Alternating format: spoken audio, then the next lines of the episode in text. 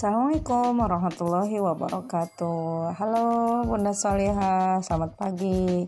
Yap, di pagi yang cerah ini di hari ke-18 Ramadan Kita bertua kembali dengan hari ini ada kisah menarik tentang dua orang tamu Rasulullah. Ini saya ambilkan dari buku Mengimani Allah ya. Ayah Bunda, bimbing aku mengimani Allah. Di buku Pintar Iman dan Islam. Pada suatu ketika ada dua orang tokoh Quraisy yang sedang bertamu. Bertamu ke Rasulullah. Rasulullah menyambut gembira kedatangan kedua tamunya meskipun mereka bukan muslim. Mereka adalah Adi bin Abi Robi'ah dan Ahnash bin Shuraik. Adi bin Abi Robi'ah bertanya kepada Rasulullah mengenai hari kiamat. Dengan senang hati, Rasulullah pun menjelaskannya. Rasulullah berharap mereka akan mendapat hidayah. Rasulullah pun menjelaskan dengan panjang dan lebar.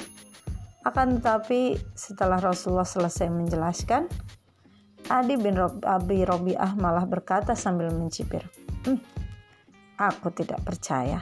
Mana mungkin Allah menghidupkan orang-orang yang sudah mati. Mereka kan sudah menjadi tulang belulang. Seketika itu, turunlah wahyu yaitu surat Al-Qiyamah ayat 3 dan 4 yang artinya apakah manusia mengira bahwa kami tidak akan mengumpulkan kembali tulang belulangnya? Bahkan kami mampu menyusun kembali jari jemarinya dengan sempurna. Surat ke-75 ayat 3 sampai 4 yaitu surat Al-Qiyamah. Allah Subhanahu wa taala Maha Kuasa jangankan tulang belulang menyusun jemari pun Allah sanggup melakukannya karena dia maha pencipta. Ya Bunda Solehah memang betul uh, hal ini pernah dilakukan juga oleh Nabi Ibrahim.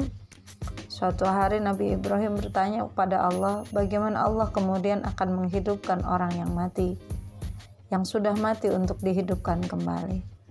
Kemudian Allah menjawabnya bahwa apakah engkau tidak percaya bahwa Allah memiliki kekuasaan untuk menghidupkan kembali yang sudah mati?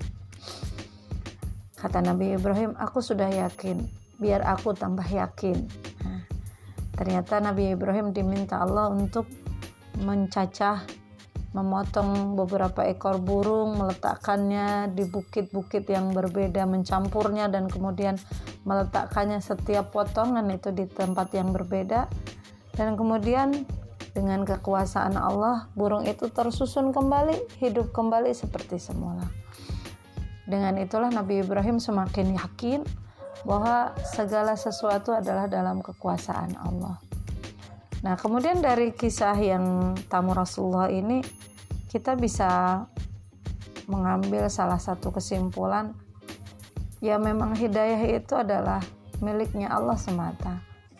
Kita sebagai orang yang mungkin pingin gitu ya, ada orang terdekat kita itu menjadi soleh, menjadi seperti harapan kita.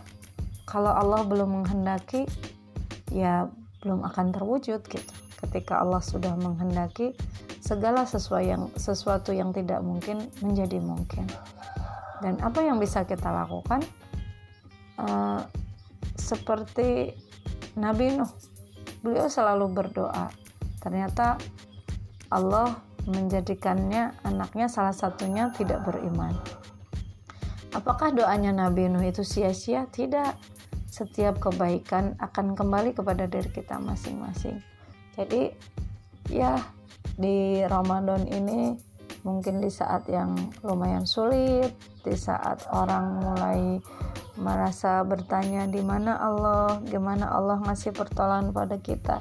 Itu seharusnya kita semakin yakin bahwa di saat yang luar biasa ini, di saat sulit ini kita semakin banyak meminta kepada Allah karena tidak ada permintaan yang sia-sia.